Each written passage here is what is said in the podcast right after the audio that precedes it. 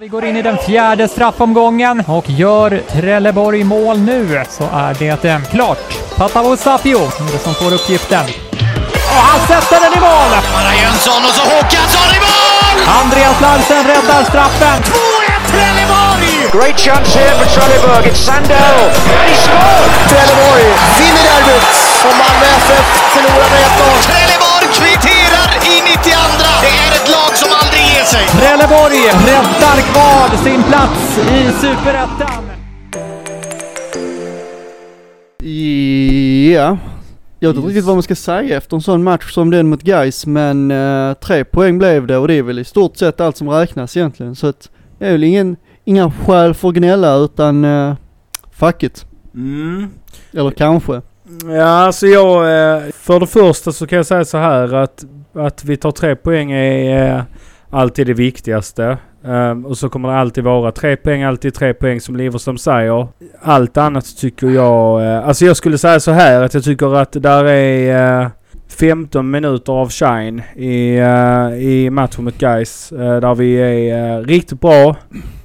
Resten lämnar rätt mycket övrigt att Mm. hämta. Så känner jag. Vi var inte överens när vi diskuterade matchen i uh, tisdags kväll. Nej, jag tror att ni eh, missuppfattade lite vad jag menade också när eh, jag diskuterade det med dig och din vän. Nej, jag vet inte. Alltså jag... jag eh, Lite tror jag.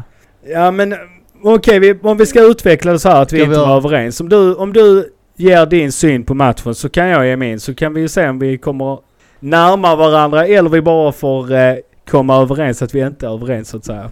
För det första så tycker jag att när matchen står och böljar i första halvlek, om vi ska analysera den därifrån först och främst, så böljar matchen ganska mycket i första halvlek. Men vad jag tycker tippar skålen till TFFs favör är att TFF har en trio under forward i Petar, i Kostica, i uh, Blomberg, som är mycket bättre än uh, offensiven i Gais. Jag tycker att uh, där är en spets i TFF i de spelarna som Gais inte har. Jag tycker att det framförallt fäller avgörandet i i, i första halvlek och är huvudanledningen till att TFF går in i halvtid med ledning. Uh, vi har de här tre spelarna under forward, då har vi Blomberg på två assist, Kostic ett mål, Peter med två mål, det är fem poäng på de tre. när de gör sin första start ihop för säsongen. I en svår bortamatch mot Gais. det här är nog, ska vara typ topp fem svåraste bortamatchen i superettan. Och TFF sticker dit och tar tre poäng och jag tycker första halvlek, ja det är inte, det är inte ett perfekt spel men det, där är en spets i TFF som Gais inte har. Och det, jag tycker det är det som fäller avgörande i den här matchen. Uh, man kan ju prata om spaltmeter om andra halvlek. Uh, och vore TFF kanske gått ut aggressivare och gjort mer för att göra det där fjärde målet och försöka stänga tillställningen. Ja, det kanske man borde. Men här, samtidigt hade man flyttat upp för mycket och offrat någonting bakåt och släppt in ett mål så hade vi ju kölhalat dem för det. Så att det är en otacksam situation egentligen för TFF trots att man går in i andra halvlek med ledning för att man släpper det där reduceringsmålet precis innan halvtid och det ger ju mod till guys och det sätter lite rädsla i TFF och ändrar det psykologiska mentala spelet i andra halvlek helt och hållet det där målet. Man skulle väl kunna argumentera för att guys kan få spela sig till ett mål i andra halvlek och vara förtjänt av eh, en kvittering med den matchbild som blev men det var ju inte heller så att guys hade en kavalkad av målchanser. Utan vi har ju två riktigt, riktigt bra chanser. En stolpträff och en där de slår in en låg boll som de slänger sig fram på och missar precis och stöter in. Uh, I övrigt tycker jag kanske inte att guys anstormning renderade så mycket målchanser i andra halvlek. Uh, men visst, man skulle kunna argumentera för att de kanske förtjänade ett mål och en kvittering men uh, nu blev det inte så. Fuck guys. Uh, nej men då tänker jag att jag svarar på det. Uh, jag uh, håller med dig att den offensiva trion i Korsika, Peter Petrovic och Johan Dumberg är, är bra och det är väl kanske bara Sundsvalls offensiv som kan mäta sig med våran i serien i år skulle jag säga. Kanske HF när van der Hork och Max Svensson och William Löper är väl också en trio som är, är bra. Mm. Absolut. Rasmus Ja, Jönsson här också. Precis. Eh, men absolut topp tre åtminstone. Eh, jag tycker att Gais gör en jättesvag match. Framförallt i första halvlek. Eh, jag är rätt säker att ganska många lag hade gjort mål på Gais i första halvlek. Jag tycker det är direkt svagt försvarsspel av Gais i första. Det kan man alltid diskutera. Är det TFF som gör Gais dåliga eller är det Gais som bara är dåliga? Jag tycker väl kanske inte TFF är jättebra. Jag tror inte att vi kommer ha den utdelningen som vi har, eller som vi hade i tisdags i varenda match. Det är... Uh, för höga krav att ha. Jag tycker vi gör tre mål på tre chanser i första. Möjligtvis att vi har en fjärde och kunna göra 4-1. Men vi skapar inte så mycket mer än så. Det är cred att man gör tre mål. Eh, ett mål som eh, Peter gör som tar vi en försvarare där Gais försvarare måste komma ut på eh, Peter tidigare. Jag tycker att det är ett väldigt, väldigt svagt försvarsspel av Gais. Och andra målet är ju en målvaktstavla likt en annan målvaktstavla som jag kommer till lite senare i mitt resonemang. Ja, eh, och eh, tredje målet är, det är en fin prestation. Eh, det är finurligt gjort av Peter men eh, jag tycker ännu en gång att det är ganska svagt försvarsspel. Man ska inte lå låta Peter komma det, till det läget. Men ändå tre mål, tre, eh, tre bra prestationer. Eh, sen så, tycker jag att guys är riktigt, riktigt svaga. Jag förstår inte hur de har lyckats vinna fotbollsmatcher om de spelar så här. Så kan jag säga. Eh, det guys jag såg var ett guys som jag såg i fjol. Jag eh, är förvånad man har tagit så många poäng om jag ska vara helt ärlig. Det här måste varit bottennapp för dem för annars vet jag inte vad jag ska säga. Jag blev väldigt, väldigt besviken på guys. Eller besviken blev jag inte men jag blev förvånad. Eh, Andra halvlek tycker jag är en jättesvag halvlek. Jag tycker att man kanske blir eh, lite försiktig när man släpper in det där dråpliga 2-3 målet innan paus. Men det är väldigt mycket TFF signum att backa hem. Eh, och det har straffat sig väldigt många gånger när man har gjort det. Historiskt så eh, har det inte hållit så många gånger på bortaplan när vi har parkerat bussen faktiskt. Eh, Hampus står för en räddning och har virket med sig. Eh, en annan gång så har man inte det flytet. Men eh, Nej visst. Nej, där, alltså där är väldigt, ställs väldigt mycket frågor. Jag ställer mig fortfarande frågan till... Det var en väldigt bra gräsmatta på Ullevi. Jag ser inte tendenserna av det här spelet vi såg i cupen i, i tisdags heller. Mm. Pressspelet fanns inte. Det tar för lång tid i uppspelsfasen. Ja, det här raka spelet och det här eh, spelet man hade från kuppen ser jag inte. Jag tycker att kryss hade varit rättvist och jag tycker väl kanske att samtliga TFFs matcher hade varit kryssmatcher egentligen om det hade varit en rättvis värld så att säga inom fotbollen. Jag eh, håller ju definitivt inte med Christian Heinz som säger att man har varit bättre i varenda match. Mm. Det gjorde han ju inför Gais-matchen. Vi har varit bättre än våra motståndare. Jag vet inte vilken fotbollsmatch han har tittat på för det kan inte vara Trelleborgs FF. För det stämmer inte. Överhuvudtaget. Vi har inte varit bättre än våra motståndare i alla matcher. Det. Jag vet inte var, var han hittar Ja. den statistiken riktigt. Sen är det ju så, vi ligger fyra och vi eh, är inte i någon bottenstrid men det är en väldigt, väldigt jämn tabell. Man får inte stirra sig blind på att vi ligger på fjärde plats för två förluster.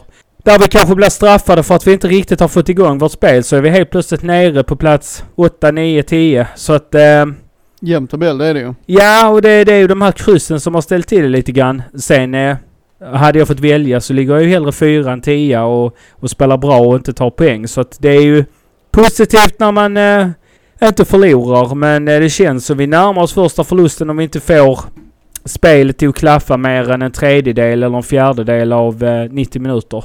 Det, det kommer inte räcka eh, den här säsongen heller. Eh, man måste få eh, jämna prestationer över 90 minuter. Så är det bara. Så att jag... Eh, Ja, jag hör vad du säger med trion. Absolut, den kommer frälsa oss. Men vi kan inte förlita oss varenda match. Där är eh, många spelare som behöver höja sig i TFF om eh, det här ska bli ett roligt år. Och eh, jag kan låta gnällig och så här och jag... Eh, man läser lite grann på eh, Facebook-sidan och så här. Många som är kritiska till oss som är lite kritiska. Men jag eh, står på mig och säger att jag är inte nöjd hur det har sett ut. Jag tycker att med det laget man har så eh, kräver jag mer. Eh, jag ser inte en tydlig spelidé fortfarande. Nu har det gått sex matcher. Jag ser inte en tydlig spelidé hur Trelleborgs FF vill spela. Eh, det gjorde man under cupspelet och försäsongen men jag ser inte det hittills i år. Nej, jag håller med om att eh, om bristen på spelidé över, eh, över de här matcherna som vi har sett. eh, jag tycker väl inte heller att FF över 90 minuter gör en stark insats mot guys. Som du sa, dåligt guys får man ju, får man ju faktiskt säga. Det är ju ingen stark motståndare i den här matchen. Nej, alltså om man, om, om man ändå tittar på Gais poängskörd. så Mm. De har hade Och 10 gjorde poäng en bra inför... match mot Öster innan, eh, vår, innan matchen mot oss. Ja. Så, eh, men jag vet inte, jag, jag, jag kan liksom känna så här, en bortamatch mot guys tycker jag det är okej att det ser ut så här. Kan jag känna, för det är liksom, ser en bortamatch mot Helsingborg ut så här kommer jag vara jätteglad. Ser en bortamatch mot eh, Brage ut så här så kommer jag bli lite orolig. Alltså, Fast kan man Tror du när vi summerar säsongen att Gais och Helsingborg kommer att ligga där de... Alltså ligga nära varandra? Uh, jag vet inte, men jag har väl fått lite tvivel om guys uh, på sistone. Helsingborg ser man ju i deras matcher att det är liksom, där är toppar. Sen är det frågan kanske om det är självförtroende i det där laget. Tyvärr högst upp i tabellen. Norrby igår som de förlorade mot, eller i förrgår var det kanske. Ja, igår. Eh, ja igår. Där de förlorade. Kanske vittnar om att eh, de, de spelar ju, de, hade, de var ju bättre över 90 minuter och betydligt bättre av de två lagen men eh, hade inte riktigt skärpan till att vinna den här matchen vilket kanske vittnar om en brist på självförtroende så att jag är kanske osäker på om, om HF kommer vara högst upp. Men min poäng är, men min poäng är att eh, på bortaplan mot ett lag som Gais som ändå bör parkera hyfsat högt i tabellen, kan, kanske inte kommer göra det men bör göra det. Då tycker jag att det är okej att det ser ut så här lite grann. Ehm, för det är trots allt en tuff bortamatch. Mm. Men hade det varit Brage med deras nu, nuvarande form hade jag ju varit bekymrad.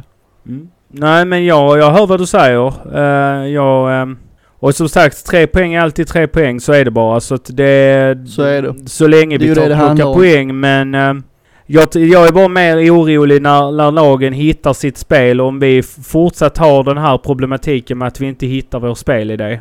Så kommer vi bli straffade. Alltså det, jag, jag, jag tror lite att planerna har sin del och att vissa lag inte riktigt har hittat sitt spel heller. Men jag är tveksam. Jag tycker ju det här går på turkontot att vi kniper en trea och vi kommer inte vara ett topplag om vi ska leva på att vi kanske har lite flyt. Eh, sen har vi inte råd i, för den delen heller att bjuda bort mål. Och här måste jag återigen. Ja. ställa mig otroligt Mm. frågande till.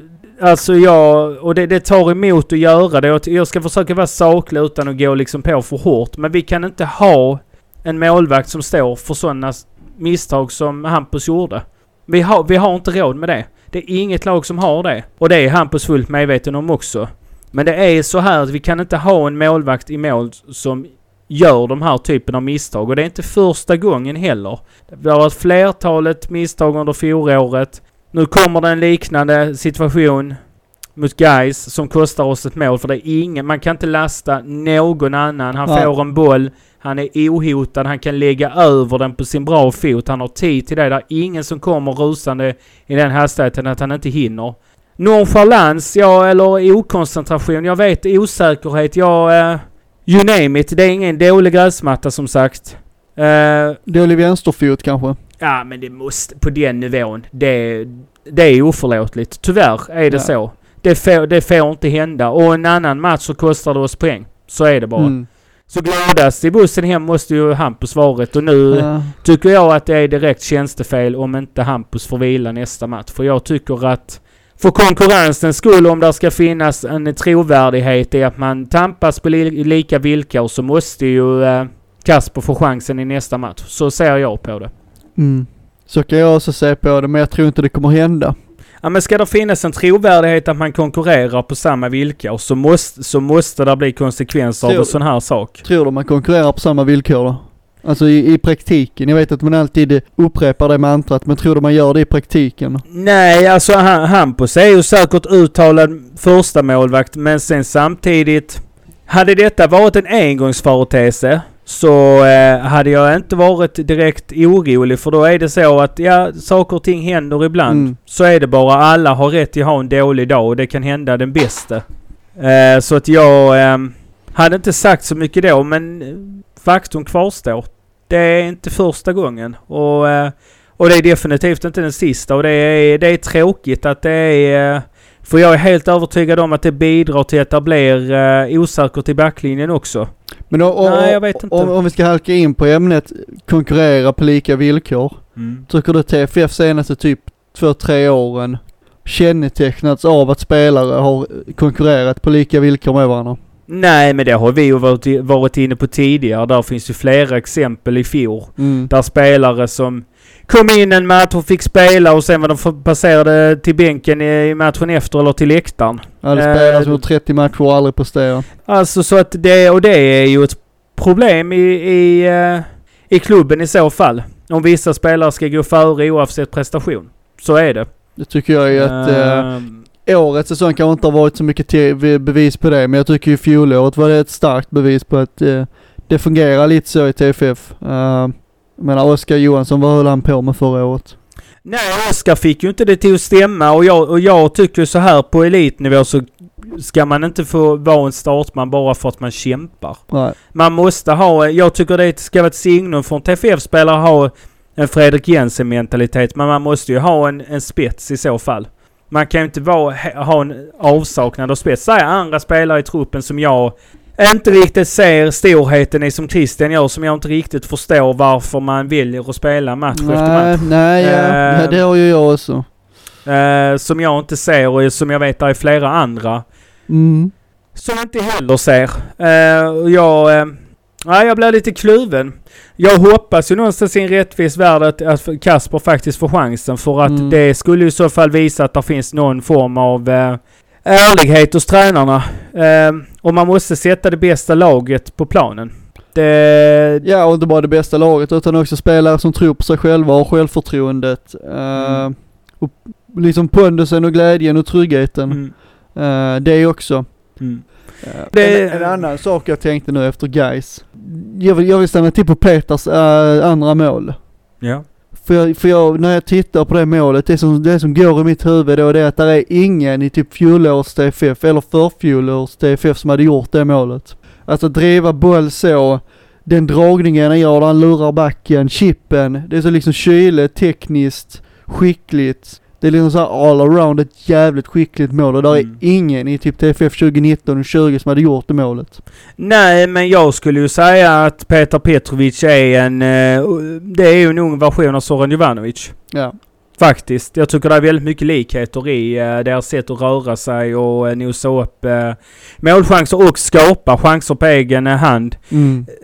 Jag ställer mig väl lite, lite frågande och lite rädd. Jag tycker att vi har ett väl, vi har ju Korsika och Blomberg det, det ska vi vara glada för för att vi får inte bli beroende för mycket av Peter heller. Nej, nej precis. Eh, det får liksom inte bli att det landar på honom om vi ska bli topp 5. Eh, utan vi måste hitta ett spel utan honom också. så är det. Eh, men eh, absolut, all cred till Peter. Jag tycker att det är superkul att han får komma in från start och visa vilken typ av spelare han är. Eh, jag håller han absolut bland de högsta. Topp 3 i Superettan. Eh, Hajen så till och med efter matchen i tisdags när vi liksom pustade ut efter eh, slutsignal. Så sa han, med Peter i laget vinner vi superettan. Om Peter långtidsskadar sig så åker vi ut. ah, det är en nej. överdrift i det såklart. Ja, men nej. där ligger någonting i det. Ja, men det är ju, det, men det är ju i där problemet ligger i Ja. så fall ju. Alltså, det är ju en överdrift, det är en överdrift men där ligger någonting i det. Ja, men det är ju just det jag är inne och pekar på nu. Att Ja. man måste, man måste ju hitta ett spel i- Precis. utifall att Peter antingen är avstängd eller är skadad. Eh, annars så kommer vi ju... Eh, jag tror att det är mycket sparkapital i Dennis Korsika. Och, eh, och Johan Blomberg har väl kanske inte sett super, super, super så, men han är ju involverad hela tiden. Han har Ja. gjort, han leder assistligan i Superettan, fyra assist. Så att han är nog en sån gubbe som man inte kanske... Men det är högerfoten. Ja, Smekningarna. Ja men det är det och alltså det är som Dino Islamovic 20, eh, 2017. Det, är- det, är- det är en vänsterfot. Där är, där är inte så mycket mer men där är, där är en fot. Ja och sen är det väl kanske en bättre arbetskapacitet än, än Erik Andersson exempelvis om man ser Absolut. det så. Och jag skulle kunna säga att man påminner lite grann om Erik Andersson också men att Absolut. där är ett bredare register hos eh. Blomberg. Ja och Går någonstans... snabbare. Ja, rutin och så vidare. Johan Blomberg, ett kanonnyförvärv. Mm. Kommer bidra jättemycket. Slår bra fasta. Eh, så jag är väl inte orolig så, men jag tycker att det... Mm, jag är lite så. Jag eh, vill absolut höja Peter, men jag, men jag får också, ställer också lite frågetecken i mitt huvud. Vad gör vi om han är borta? Men vi behöver hitta vårt spel. Och det är Ja, jag, är jag eh, är lite ute efter att eh, ringa i Efterlyst och fråga ibland när vi emellanåt blir kommer jag till den eh, nivån att man nästan vill göra det för att jag... Eh, Missing people. Får gå ut och leta. Ja men, ja, men lite så. Jag tycker alltså, jag tycker att ja, i, i de lagen som är välfungerande så ser man ju en tydlig idé hur man vill spela fotboll. Mm. Vi kan ta exempel som Helsingborg på 19 fram till nyligen. Ja, eller om man tittar på en internationell nivå och Jörgen Klopp Ja, ja, spelfilosofi. Om man tittar på en alltså det här med gegenpress och, och, och eh, hur han vill spela fotboll. Naturligtvis är det olika dimensioner. Vi spelar superettan och då i Premier League respektive Bundesliga. Men likväl så är det väldigt tydlig spelidé som folk pratar om. Ja. Jag vill se att Christian Heinz har en tydlig spelidé. För den ser inte jag, utan det blir lite som det blir. Det var ju Eh. nästan lite gegenpress eh, ett tag.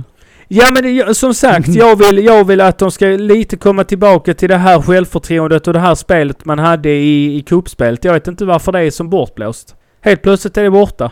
Jag, jag tycker inte de sista matcherna har sett några tendenser överhuvudtaget av det, av det här höga pressspelet. Och jag tycker framförallt på hemmaplan att man har gjort det i 10 minuter, det räcker inte. Det måste man kunna göra längre. Ja. Nej, jag håller med. Ja, jag vet inte. Alltså det, det känns lite så här... Ja, jag är väldigt, väldigt tudelad. Jag eh, pratade med en, en kompis som jag har om säsongstart och så pratade vi om det. Man är ju jätteglad att TFF ligger fyra och man är avslappnad men jag har inte riktigt känt mig till, tillfredsställd av spelet. Jag, jag har varit lite så här kluven och lite irriterad efter och känt att nej, det är lite varningsflaggor ändå någonstans under vägen hela tiden. Ja, men det är det, det är det. Eh, Det är det. Mm, och det, det oroar lite grann att man inte har lyckats tvätta bort det. Faktiskt. Nu eh, känner jag att nu måste man börja göra det för att jag är rätt så övertygad om att eh, åker vi på en torsk och vi inte hittar det så kan det nog bli ett par stycken är jag rädd för.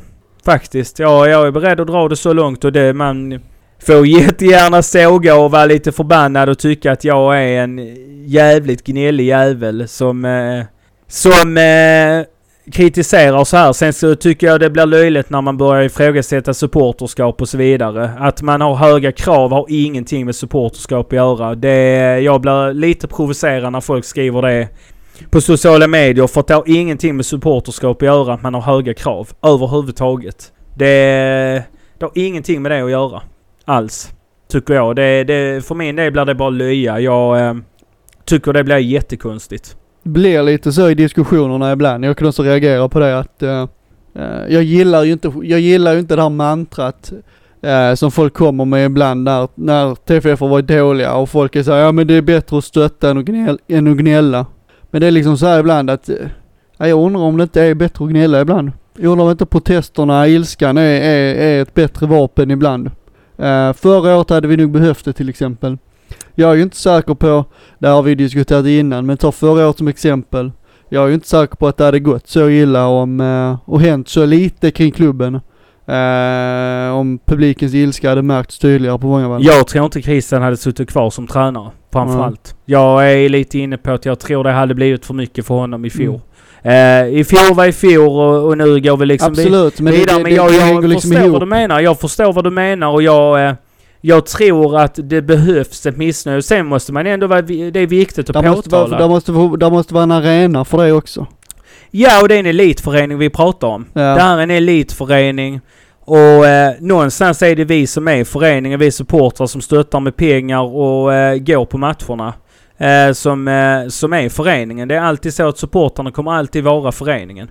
Spelarna är inte föreningen, tränarna är inte det, utan det är supportrarna till klubben som är föreningen. Mm. Och det är inte konstigt att man ifrågasätter sin förening om man inte tycker att någonting är bra.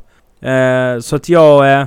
Nej, alltså högt i tak ska det vara. Mm. Eh, man ska vara konstruktiv och man kan inte bara vräka på vad man känner för. Men har man konstruktiv kritik och ifrågasätter saker som faktiskt många gör så ser jag inga konstigheter i det alls. Jag Ja. tycker det är vettigt och jag tror definitivt att det är någonting som utvecklas. Om man eh, jobbar på en arbetsplats och man inte har högt i tak så blir det inte mycket förändring. Nej, precis. Eh, det spelar inte någon roll om det har med fotboll att göra. Man måste ha eh, högt i tak för att kunna utvecklas. Eh, så Mm. att jag... Eh, Så är det. som sagt, Det är som resultatet är bra. Det är högt i tak alltid.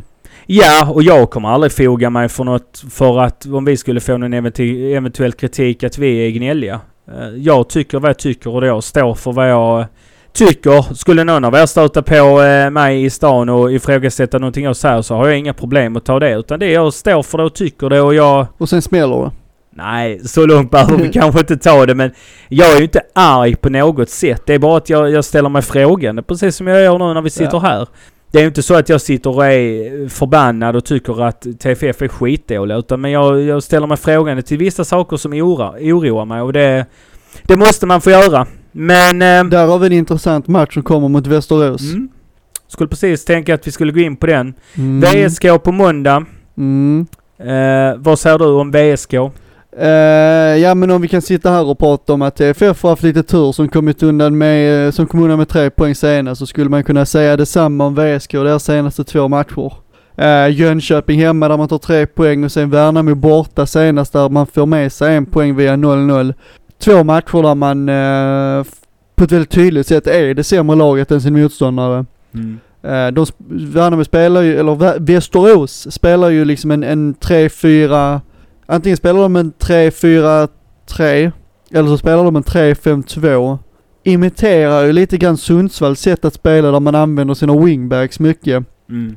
Eh, men jag tycker inte Västerås har fått särskilt mycket resultat av det. Eh, och i liksom matchen mot uh, Jönköping, tror jag det var, när jag satt och kollade höjdpunkter på den senast, var, sa liksom uh, kommentatorn när Västerås gör ett av sina mål att bara oj ja, det här är deras första riktiga anfall på hela den här halvleken. Och då hade den väl varit i 25 minuter. Mm. Ehm, så det är, det är Västerås som likt TFF knackar sig lite fram just nu. Varann, alltså har en förlust på kontot, Gais borta. eh, där man även fick rött kort. Men eh, du har fyra poäng i de två senaste, inte förlorat under de fyra senaste matcherna. Nio poäng, en poäng bakom oss. Form, form och så, känns väl som de är lite grann där vi är. Men man hoppas ju såklart att TFFs formkurva är uppåtstigande efter tre poäng senast. Jag har lite svårt eh, att samla mig till, till en bra analys till vilka Västerås är just nu. För de har inte spelat så bra men de har ju tagit sina poäng och är ju med nio poäng. Det är ju ingen, liksom, det är ingen pisskassskörd. Alltså de är ju med, det är ju, det är ju samma poäng som Helsingborg. Så de är ju där och hugger. Men framförallt senaste två har ju inte sett bra ut så det är ju också ett lag med frågetecken precis som vi och de kanske står i samma T-korsning som vi står i och förhoppningsvis som vi är på väg att blinka ur i. Mm. Eh, så det är jättesvårt att säga var Västerås står just nu. Vad jag, en sak jag noterar det är att eh, wingbacksen, eh, inte senaste matchen blev 0-0 så där hände det ju ingenting framåt i, i målväg. Men i de två tidigare matcherna gjorde wingbacks mål i eh, båda. Vilket väl talar lite om att eh, Västerås använder sina wingbacks mycket. Ja men jag skulle ändå säga, jag har sett några av deras matcher, jag skulle nog säga att de är rätt så lika Sundsvall som du var inne på, hur de spelar fotboll. Det är väl kanske att Västerås har kanske inte det, de, eller den bredden och den eh, kvaliteten längst framme. Eh, en Viktor Prodell som absolut är en bra spelare, men jag håller ju andra spelare kanske lite högre, men han är absolut ett hot mot varenda motståndare i Superettan. Med sina allsvenska rutin och så vidare. Eh, Noll mål står han på än så länge. Ja, jo men sen är han ju en viktig del. Det Ja, såg man såklart. ju framförallt i fjol när han kom in att det var en Rivjärn. otrolig injektion om man pratar om honom både på och utanför planen och så här. Så Victor Prodell har säkert kanske inte kommit igång och jag ger mig fan på att han gör mål bara för att han har noll. Eh, Det brukar vara Ja. lite så när vi pratar om de spelarna. Nu sågar vi faktiskt inte honom men Ja, jag har nog samma, lite samma känsla att, och jag, jag pratar lite grann om det med lite grann andra TFF-are att Superettan i år känns som den absolut jämnaste Superettan på många, många år. Jag tror inget lag kommer direkt sticka ifrån i år. Jag tror det Ja. kommer vara en vansinnigt jämn säsong. Tittar man på vem som toppar, ja det är ju Norrby, Vi är en bisarr tabell. Värnamo och sen innan det var det Gais och Landskrona, det är ju topp Landskrona. tre nu. Tre, Ja. Topp tre är Värnamo, Norrby, Landskrona. Mm. Ja det är helt otroligt. Sen så är det ju Sen liksom... är det Sundsvall och vi. Ja, och jag tror väl kanske att när vi summerar säsongen så är det ju högst mer troligt att Sundsvall och vi är där vi kanske är nu. Än, eh, jag tror varken Värnamo eller Boys håller en hel säsong. Ja, Norrby kommer inte göra det. Nej, och definitivt inte Norrby, men, men jag tror kanske alla de tre kommer klara sig. Och vem åker ur då? Det blir, det blir spännande att se. Eh, Roger, Ja, vi får väl kanske se lite grann. Jag tänker att vi kanske ska prata lite grann lite senare i avsnittet om eh, tre eh, toppar och eh, tre eh, motståndare. Vi gjorde det i omgång tre och nu har vi kommit till omgång sex. Vi kanske ska hålla det tempot för tredje match för att vi, eh, att vi pratar om tre lag och tre eh, lag vi kanske är besvikna på. Men eh, Ja men det känns lite grann som att nu är det make it or break it för TFF. Eh, och lite så är det för Västerås också. Jag tror att det laget som förlorar kanske får det lite tuffare. Vi har rätt så tuffa matcher som kommer nu. Vi har AFC borta och sen har vi GIF Sundsvall hemma efter det.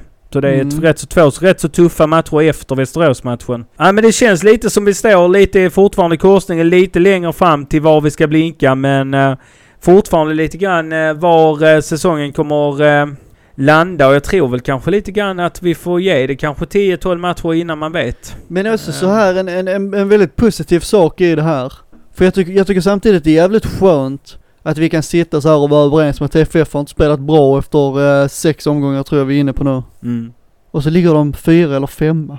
Ja, de ligger på fjärde plats och de är ju obesegrade så att... Alltså det är ju helt otroligt att vi kan sitta här och, och, och faktiskt tycka att nej det har inte sett så bra ut och så är de fy, fyra i Superettan. Ja. Nej men absolut. Alltså där är, och, och där är ju något positivt att, att utifrån det också att för vi måste ju utgå ifrån att det bara är tillväxtpotential i det här TFF. Alltså Det vi måste ju utgå ifrån att det här bara kan bli bättre. Vi kan ju inte utgå ifrån att det här kan bli sämre.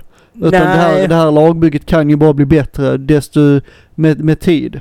Ja, alltså jag hoppas ju verkligen på det och jag tror ju verkligen det någonstans att det bara kan bli bättre. Det jag är lite orolig för är om man börjar förlora, vad händer i truppen då? Absolut. Eh, med Absolut. den eh, mentaliteten som har funnits i den, de spelarna som är kvar, som har varit med under åren, som ändå är med och bidrar fortfarande. Eh, hur reser de sig? De här spelarna som har kommit in kanske tacklar det bättre, men hur tacklar man det som grupp om man inte får resultatet som man vill? Men är det här lägsta nivån och vi har en högsta nivå att Precis. vänta så kommer vi ju definitivt vara ett topplag i år. Så är det ju.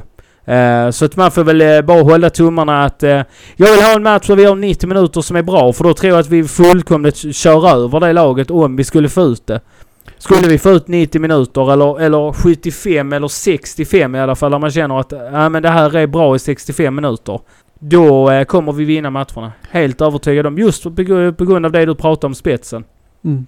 Jag är lite samma med Västerås. Jag, jag, jag tror nog att de kommer vara lite defensiva mot oss. Jag tror att deras, deras eh, trebackslinje kommer nog i, i själva verket vara en fembackslinje mot oss tror jag.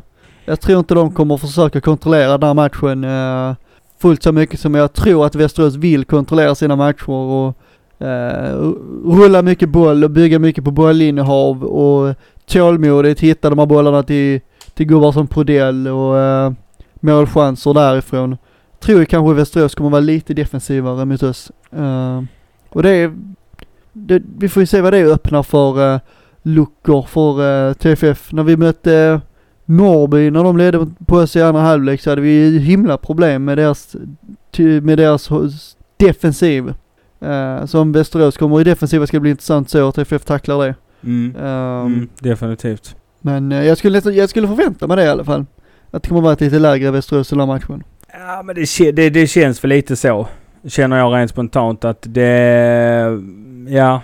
Jag eh, har väl också en känsla av att jag tror att det, Västerås kommer... Eh, Men de har ju så en topp i sig.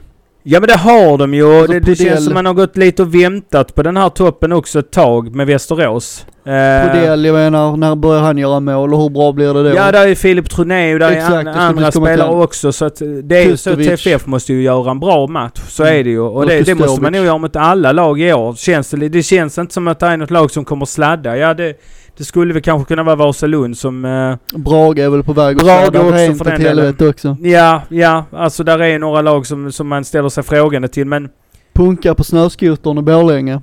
ja, ja nej det... Där är ett par lag som, eh, som man eh, kan fråga sig. Men om vi ska liksom landa någonstans, någonstans i Västerås så... Jag vet inte vad jag har för känsla. Jag tippade ju trots allt en vinst i tipset nu så att jag eh, får väl stå på mig och säga det att vi vinner med eh, 3-1 som jag eh, Helt- tippade. Helt övertygad om att TFF kommer vara mm, betydligt mer bollförande i den här matchen än Västerås. Uh, sen är ju frågan eh, hur man kommer liksom luckra upp. Mm. Peter är onekligen en spelare som kan det, Mm. till exempel. Ska bli spännande att se kanske lite mer mot ett stående försvar på ett Mm. annat sätt. Alltså Mm. för Gais försökte ju ändå föra En matchen. fembackslinje. Ja men det ska bli spännande att se liksom för det som definitivt har varit problem när vi har fått lag som parkerar bussen där vi måste föra spelet. Hur ser det ut med en sån som Peter från start? Det ska bli spännande att se. Verkligen. Men eh, så om du ska ge dig gissa på ett resultat då? Eh, jag kommer inte ens ihåg vad jag tippade på eh, din tråd men uh, alltså TFF vinner ju den här matchen. Uh, kommer ha högt bollinnehav men Västerås kommer hota när de framförallt kontrar. Eh, vi håller väl inte nollan idag heller. Det blir väl första målet för antingen Filip Troné eller Viktor Prodell. Så då säger väl jag att det här kan bli en uh, 2-1. Klassiskt fotbollsresultat. Ja, men det, och, det, och som sagt, spelar man bara bra så är det ju, eh, tar vi det. Så är Då det tar ju. vi det. Då tar vi det och det, vi tar det oavsett. Men det får gärna vara med lite mer smak. Gärna. Så kan vi ju väl eh, sammanfatta det.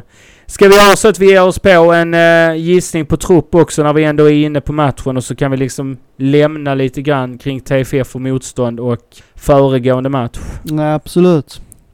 Då har vi väl Hampus i mål. En backlinje där det är eh, Björken, Leverstam, Isak. Du tror inte det in i för fortsatt förtroende. Nej, ja, kanske. Jag tror det är Isaks tur nu. Sen blir det ju Tideman till vänster. Uh, Haris Amin inom mittfältare, Blomberg, Kosica, Petar, Offia längst fram. Så det blir en ändring. Jag tror det är Isak kommer tillbaka in i startelvan igen. Ja. Eh, jag måste faktiskt fråga dig, jag såg att Christian Heinz tyckte att eh, Dahini eh, är en, eh, spel, en du, spel, duktig spelare som eh, driver bollen framåt på ett positivt sätt. Är det någonting du eh, håller med om? Jag tycker inte han driver bollen framåt så mycket när jag tittar. Nej. Jag tycker han slår den mest i sidled. Nej, ja, nej, det var bara en... eh, Det var liksom inget så här ironiskt eller så, utan det var bara en fråga om hur, om du eh, har... eh, Jag tyckte mot Akropolis gjorde han det en del då när Peter kom in. Då tyckte jag, då, då, då reagerade jag så här bara fan vad Dehin har börjat spela bollarna framåt och på djupet. Vad händer här? Ja. Men det kommer väl också naturligt av, en, av att man har möter ett lag som, uh, alltså Peter har kommit in, Akropolis sjunker. Mm. Då blir det väl ganska naturligt att eh, till och med gubbar som Deini slår bollar eh, på djupet och framåt. Ja. Men jag vet inte om jag håller med Heinz där. Jag tycker väl Deini kan vara lite bromskloss i spelet. Mm. Nej, jag bara, nej, det är bara intressant att höra vad en eh, expert som du eh, Ja. tycker, om, eh, tycker om Christians eh, utlåtande. Jag eh, ger mig i kast med en startuppställning. Eh, jag tror eh, också, även om jag kanske faktiskt håller en tumme för att Kasper får komma in och visa. Och eh, tror det ger eh, Hampus också någonting. Att eh, faktiskt eh, Mm. sätta honom på bänken. Att eh, det, det gäller att prestera. Det Men jag tror att. Hampus startar. Eh, jag tror man går lite på revanschspåret. Att han ska ta lite revansch. Och eh, Tideman fortsätter som vänsterback. Dahini fortsätter som eh, mittback tillsammans med Liverstam och eh, Fritte till höger. Fritte Björkén som sagt. Eh, Simon Amin och Haris Birkic på eh, mittfältet. Eh, och sen så har vi då Petar Petrovic och eh, Blomberg och Koshika och Offia. Och jag eh, tror att man vill ha en mer spelande mittback. Eh, och Mm. eftersom eh, det har varit så mycket tongångar kring, eh, positiva tongångar kring eh, Dahinis passningsspel så tror jag att han eh, fortsätter. Jag tror att man vill ha en mer eh, spelande mittback och att eh, Isak kan ju vara i lite problem. Kalle Larsson på väg tillbaka också. Goda nyheter att Kalle är på gång, eh, att eh, är i träning igen och eh, det är positivt. Ja, absolut. Eh, bra för konkurrensen och eh, framförallt om vi skulle få avstängningar. Många spelare som står på två gula nu. Liverstam, Ska man göra. Harris bland annat. Så att där finns, eh, tror till och med Dehini också står på tror två. att typ så Amin är uppe. Amin är också uppe. Det är ett helt Ja. gäng. Det är lite oroväckande för att... Eh, Om man ska ta gula kort. Nej, det är ganska vanskligt med tanke på att vi har två spelare som försvinner på landslagsuppdrag eh, snart. Om vi Ja. har både Liverstam och... Eh, Liverstam borta också. Samin Amin och ja. Simon Amin och eh, Deini är borta så kan det bli lite problematiskt. Ja men, eh, vet du vad landslagsmästerskap betyder för TFF? Det betyder dineros. Ja, men det, vi behöver poäng. Pengar har vi genom Mellby Gård så att vi behöver inte Dinerosen. Lite men- kaxigt sagt men... eh, Nej nej men ska, ska eh, Göteborg få millar för Nej, jag vet varför du vill ha gula kort. Det var för att Dennis toppade utvisningsligan och Korpens eh, gula kortliga för tio år sedan snart. Ja.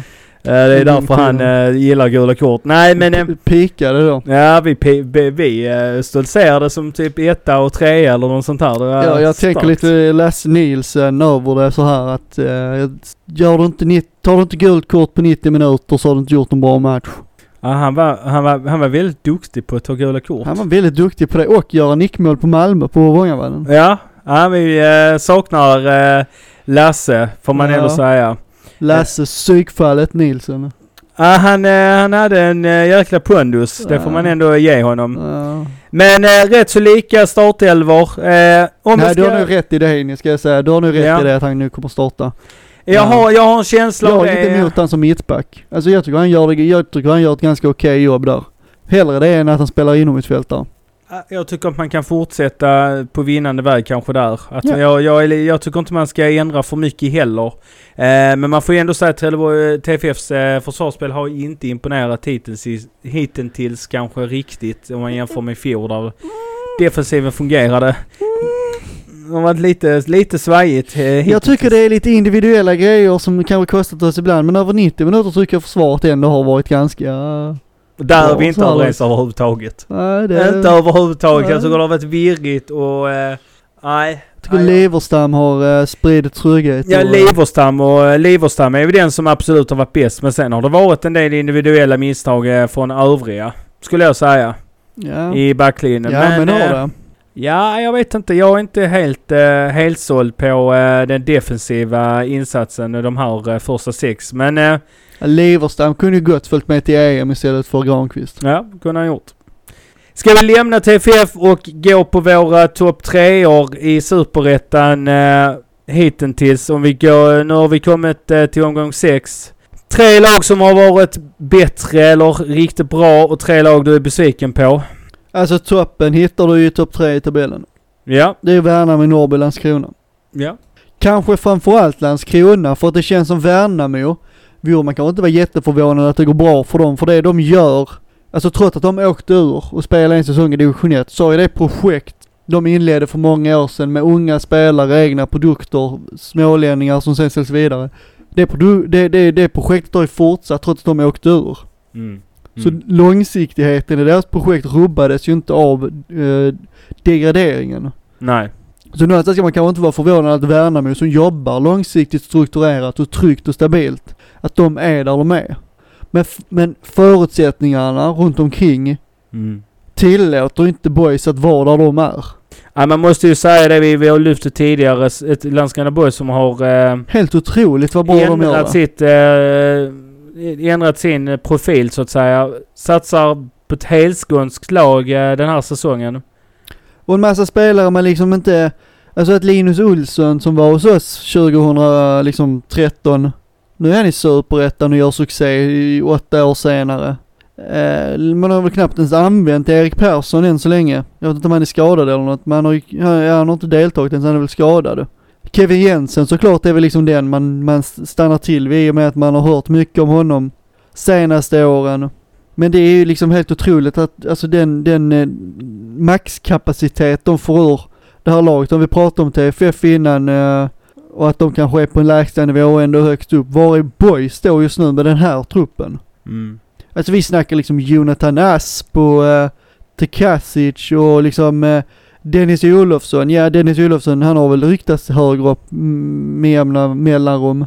Men han har liksom alltid bara varit division 1-spelare inom citationstecken. Bara varit. Alltså en forwardsuppsättning med liksom Linus Olsson och Hovsö. De två till exempel. Där snackar vi liksom så här nästan så här klassisk eh, division 1 eh, anfallsduo. Mm. Som nu är liksom eh, med siktet inställt på att skjuta Landskrona till en division de inte vore kunna spela. Alltså det är ju helt otroligt vad de, vad de får ur det här laget. Helt enig med Helt dig. sanslöst. Men det, framförallt om du lyfter någon så är det framförallt Landskrona Boys hör jag. Ja, Som- tveklöst mer än någon annan. Jag... T- Titta på Norrby. Där, det, då ska man också lyfta hur jävla, hur jävla grymma de är. Alltså Ja. jag menar vi har liksom så här. eh, Jag minns när vi vann över dem i premiären och det var liksom så här, folk var inte nöjda med den insatsen för det var Norrby vi mötte. Ja, det var Norrby vi mötte i premiären och nu ligger de tvåa i Superettan och har vunnit tre raka matcher. Ja, om jag ska gå in på mina tre så eh, måste jag säga jag har tittat en del på eh, lagen i topp. Jag, eh, lyfter ju Landskrona och, och eh, framförallt Norby. Ett Norby som eh, tippades komma sist. Eh, där jag tippade dem precis ovanför kvalstrecket och sa att Norby har ändå en potential eh, med eh, McLind som eh, är positiv. Och där är inte en kravbild på Norby som det finns i många andra klubbar i Superettan. Man är nöjd att spela i Superettan och man vill förbättra sig. Eh, tror att eh, eh, definitivt kommer att klara sig kvar. Kan, man kommer kanske inte bli tvåa. Och kanske inte Landskrona för den delen heller. Eh, Värnamo tycker jag kanske har haft lite flax. Eh, de matcherna jag har tittat. Tror att de kan eh, få det lite tuffare om man får, eh, om den här eh, nykomlingsflytet lite kommer av sig. Skulle, jag- skulle nog ändå vilja lyfta GIF Sundsvall som jag tycker har ett spel som är... Eh, ja, de blir tuffa i år. Nej, det blir de. Eh, blir så att tunga. jag lyfter GIF Sundsvall. Jag eh, trodde kanske inte riktigt på Hallenius och eh, Engblom men eh, samspelet mellan dem börjar stämma mer och mer och eh, det är Mm. lite oro- oroväckande för oss andra Ja. om, eh, om de får det till att klaffa för då blir Sundsvall riktigt jobbiga att göra. Så jag väljer att sätta Sundsvall precis före Värnamo och ha Boys och Norrby kvar.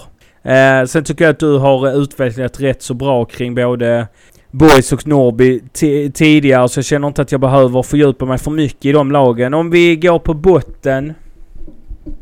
Eh, ska jag inleda med mina tre då? Ja, kan du få göra. Eh, hade ju TFF där sist. Eh, fick, eh, fick lite pikar på eh, Messenger över att jag satte TFF och hur jag kunde göra det. Eh, sa ju faktiskt att eh, de var en bubblare och kanske inte egentligen inte riktigt förtjänar vara där.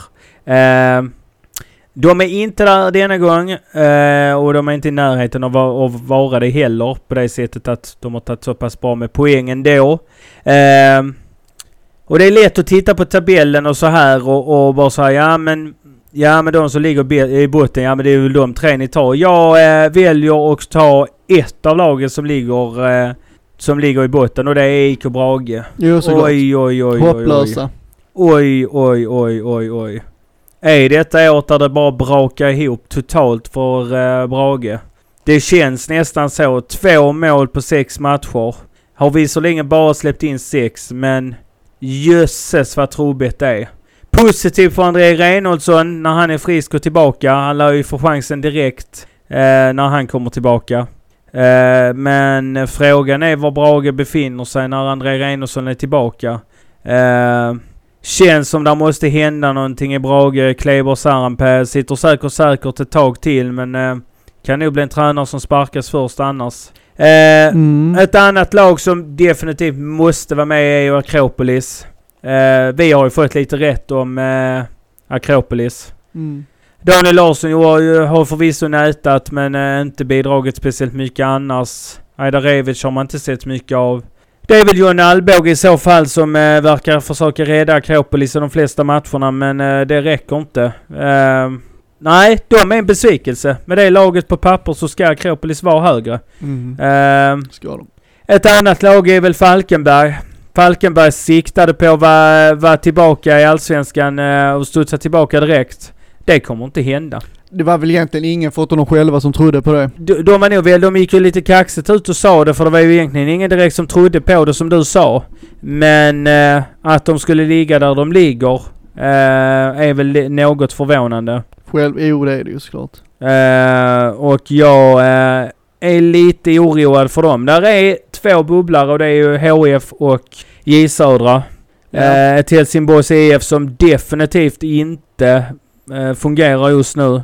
Mycket oroliga röster på sociala medier kring HF också. Två sista matcherna där man har blivit nollade på hemmaplan. En avsaknad av Anthony van der Hoek som har problem med en baksida. Men eh, det blir de tre lagen jag har valt. Jag sätter eh, Falkenberg, Brage eh, och Jönköping. Jönköping har efter sex omgångar bara en seger och det är 5-1 mot Vasalund i premiären. Sen har man eh, ett par kryss och eh, resten torsk. Eh, jag tycker inte det är mycket som ser bra ut i Jönköping. Och det är helt uppenbart att man eh, saknar eh, stjärnspelarna som försvann från förra årets lag. Och lite som jag har nämnt med Jönköping tidigare, de eh, släppte ju iväg, eller blev tvungna att släppa iväg Hamidovic och in kom istället den här anfallaren från Ljungskile som heter något så vackert som Preparin Bekai. Och som jag misstänkte så har han inte fyllt ut eh, Hamidovic skor överhuvudtaget. Inte överhuvudtaget. Man har Zeidan liksom som är en ganska duktig offensiv spelare, sen tycker inte jag där är någonting mer. Och det kommer bli riktigt, riktigt, riktigt, riktigt svårt för Jönköping detta. Här måste hända grejer i sommar. Eh, och inte bara en grej utan kanske två, tre, fyra. Eh, för där, uh, nej det här lyfter inte. Det här lyfter inte. Brage, rent under isen. Det, nej, det är inte mycket som stämmer i Borlänge. Eh, och sen Falkenberg. Som jag tycker liksom tro, tro, trånkar fram i superettan på ganska mycket halvfart. Och är, jag är inte förvånad att Falkenberg är där de är för jag tycker att, eh, ja men nej, men- jag tycker bara det passar ganska väl. Med den fjolårssäsong de hade i Allsvenskan, ehm, med den trupp de har och hur de har liksom så här lånat lite spelare och så. Jag tycker det, jag tycker det matchar dem ganska bra och var runt 11-12 platsen. Ehm, men det är självklart långt, långt under vad de själva hade väntat sig. Ehm, så de tre. Jönköping, Falkenberg, Brage. Botten, appet. Vi får väl se, vi får väl eh, återkomma i omgång nio. Se, se om där är någon, eh, då kanske serien har satt sig ännu mer. Eh, Bekaj har blivit skyttekung tills dess. ja, inte så troligt va? Nej. Är Eh, vi eh, lämnar väl kanske Superettan i allmänhet. Ska vi gå på en Vem i spelaren? Ja, det Jag kan vi har ha. förberett till dig. Eh, så vi ger oss väl i kast med Vem är spelaren denna veckan? Ja, då sätter vi igång. Är du beredd? Mm. Så beredd jag kan bli. För 10 poäng. Denna spelare från Baltikum spelade i TFF under en mörk säsong som man helst vill glömma. Ja, mm, åh vad jag är nära att ta upp telefonen där för att kolla ett namn. Nej. Ja, jag har ju, jag har, alltså jag kan ju bara en spelare från Baltikum. Nej! Två! Där är två ju. Ja, då kan jag inte hugga redan för där är ju två. Där är två. Eh, uh, Vitali Gusev är från Baltikum tror jag och det är ju Jonas Tam också. Båda mörka år i TFF. Nu sa du ett år, jag tror Vitali Gusev var i TFF längre än ett år. Jag är inte säker, men jag är ganska säker på att han var i TFF 04 när det gick åt helvete. Uh, jag tror väl, jag tror, inte, jag tror inte du hade tagit, jag kommer inte hugga på 10 denna gången också, men jag tror ju att det är Jonas Tam du är inne och gaggar om. Du får fortsätta. Åttan. Totalt blev det 40 matcher Mm. i TFF-tröjan innan tåget gick vidare för estlänningen. Alltså, jag kan ju bara två, det är ju Vitali Gusev och Jonas Tam, så jag måste ju, Jonas Tam gjorde inte 40 matcher. Han var ju bara här ett år. Så det är ingen poäng för mig att gå ner på 6 poäng. Eh, så då får jag ju säga, jag är inte säker på om Vitali Gusev är estlänning, jag är ganska säker på att han är från Baltikum i alla fall.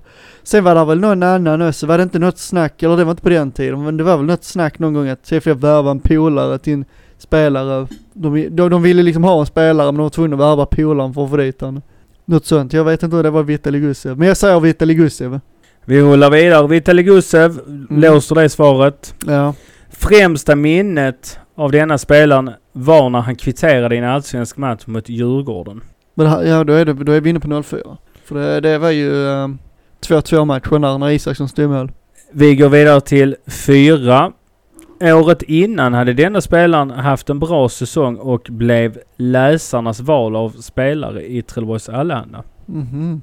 Och på två poäng. Hans landsman Andrei Shunin hade inte en lika lyckad tid här. Kan det vara så att jag hade rätt? Rätt svar är Vitali Gusev som kvitterade mot Djurgården 2004. Isaksson stod inte i TFFs mål 2004. Nej, jag sa Djurgårdens mål. I Djurgårdens mål, absolut det stämmer. Ja. Eh, Jag tror du sa TFF så tänkte jag... Nej, det nu, kanske eh, jag sa, men jag menar ju att han stod för Djurgården. Ja, ja, men det var rätt. André, eller eh, förlåt, nu är jag helt ute. Vitali Gusev är rätt spelare. Jag trodde du skulle gå i fällan och ta Jonas Tam. Men vad det, vad det Rätt Gusev svar är Vitali Gusev. polare? Ja, de värvade André Shunin och han var ju ingen jättehöjdare. Så att... Var det Eh, han som värvades bara för att vara en kompis? yes, stämmer. Så att eh, Vitali Det Gusev måste varit Rune-pengar på den tiden också. Kan det säkert varit. Vitali Gusev hade jag bara en bild av att han kvitterade mot Djurgården och var ganska dålig. Men han kom in tydligen 2003 och eh, Mm. Jag gjorde sex Mm. mål på typ Mm. så här på 13 matcher eller nå- någonting Ja, sånt här. Ja. Eh, det hade jag faktiskt ingen aning om. Nej, Men... eh, nej, när du sa 40 matcher så visste jag direkt att det inte var Jonas Tam. Nej. Eh, det är ju, men du, du, du satte ju upp det för Jonas Tam på tian. Ja. Ja men gjorde Ja.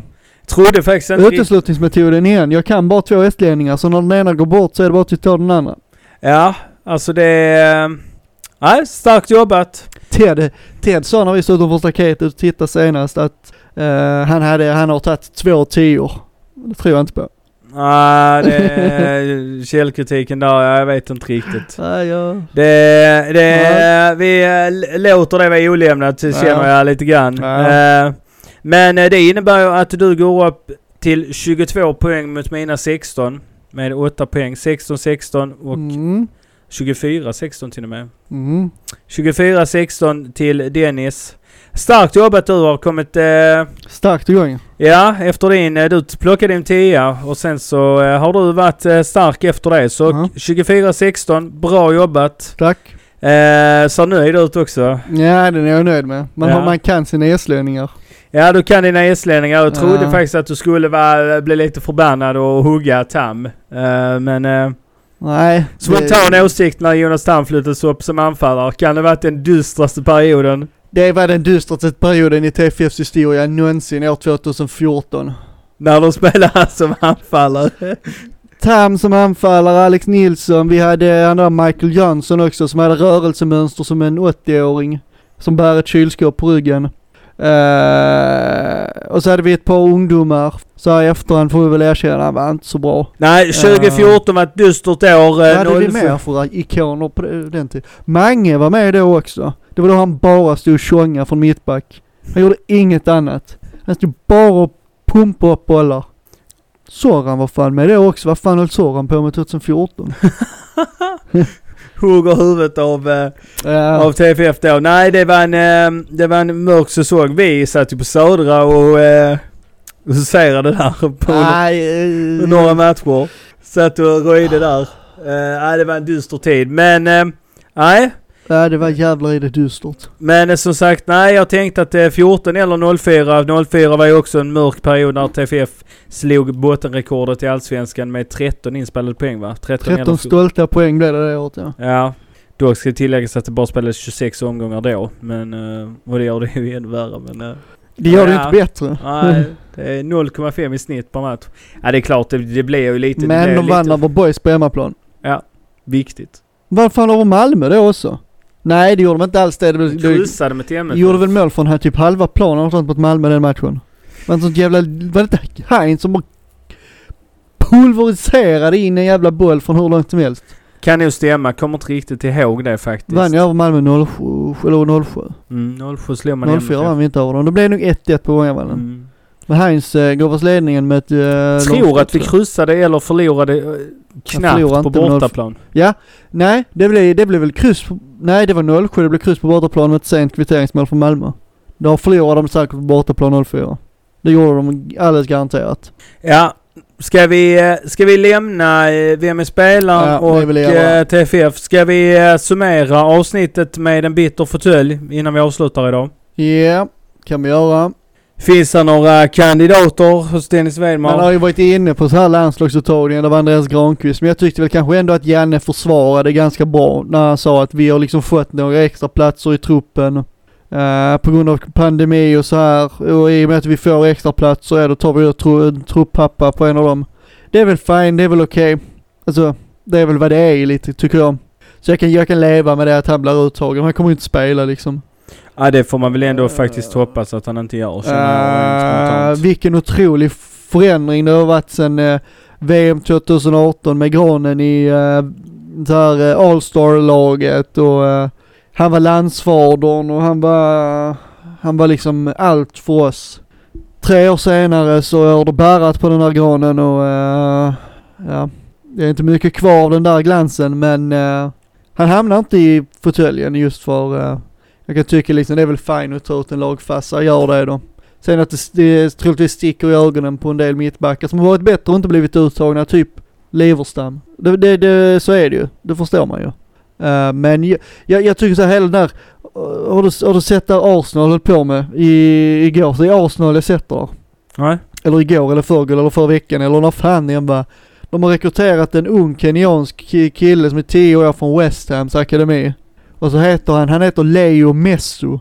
Okej. Så de gjorde så en jättestor plojgrej av att de hade rekryterat honom för att han heter Leo Messo.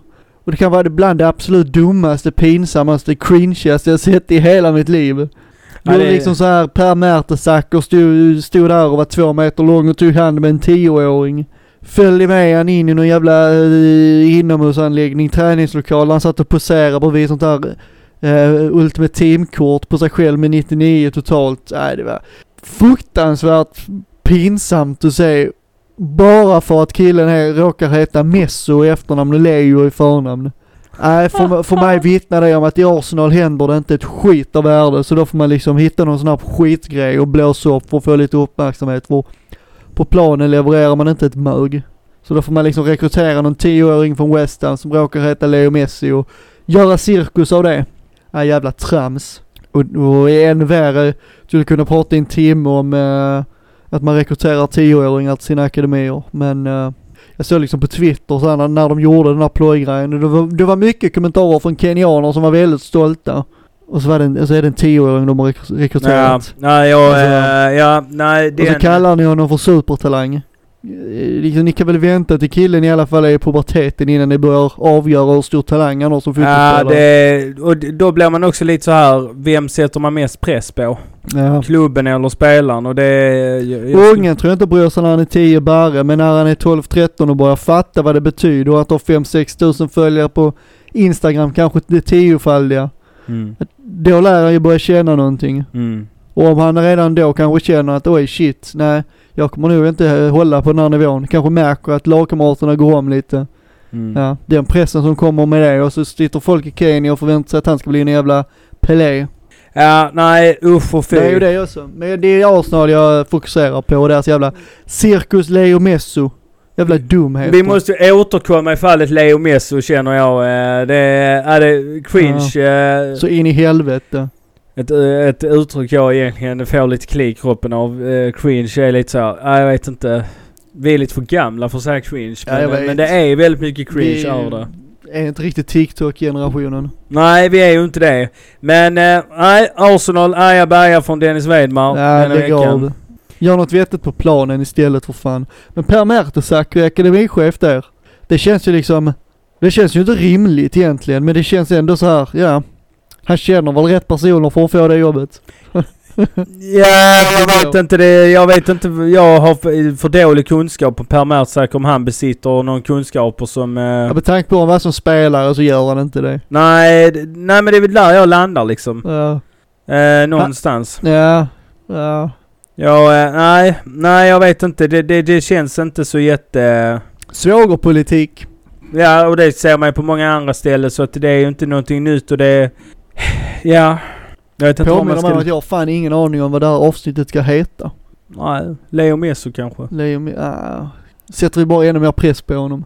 Ja, han lär ju gå in och kolla till Palmpodden. ja det tror jag han gör. Det tror jag, han jag tror han kan svenska också. Ja, så att han känner nog att det är nog det första han kommer göra om han eh, söker på Leo Messo på eh, Spotify så kommer det upp ett avsnitt som heter Så- Leo Messo. transkribering av eh, att vi har suttit och snackat om honom.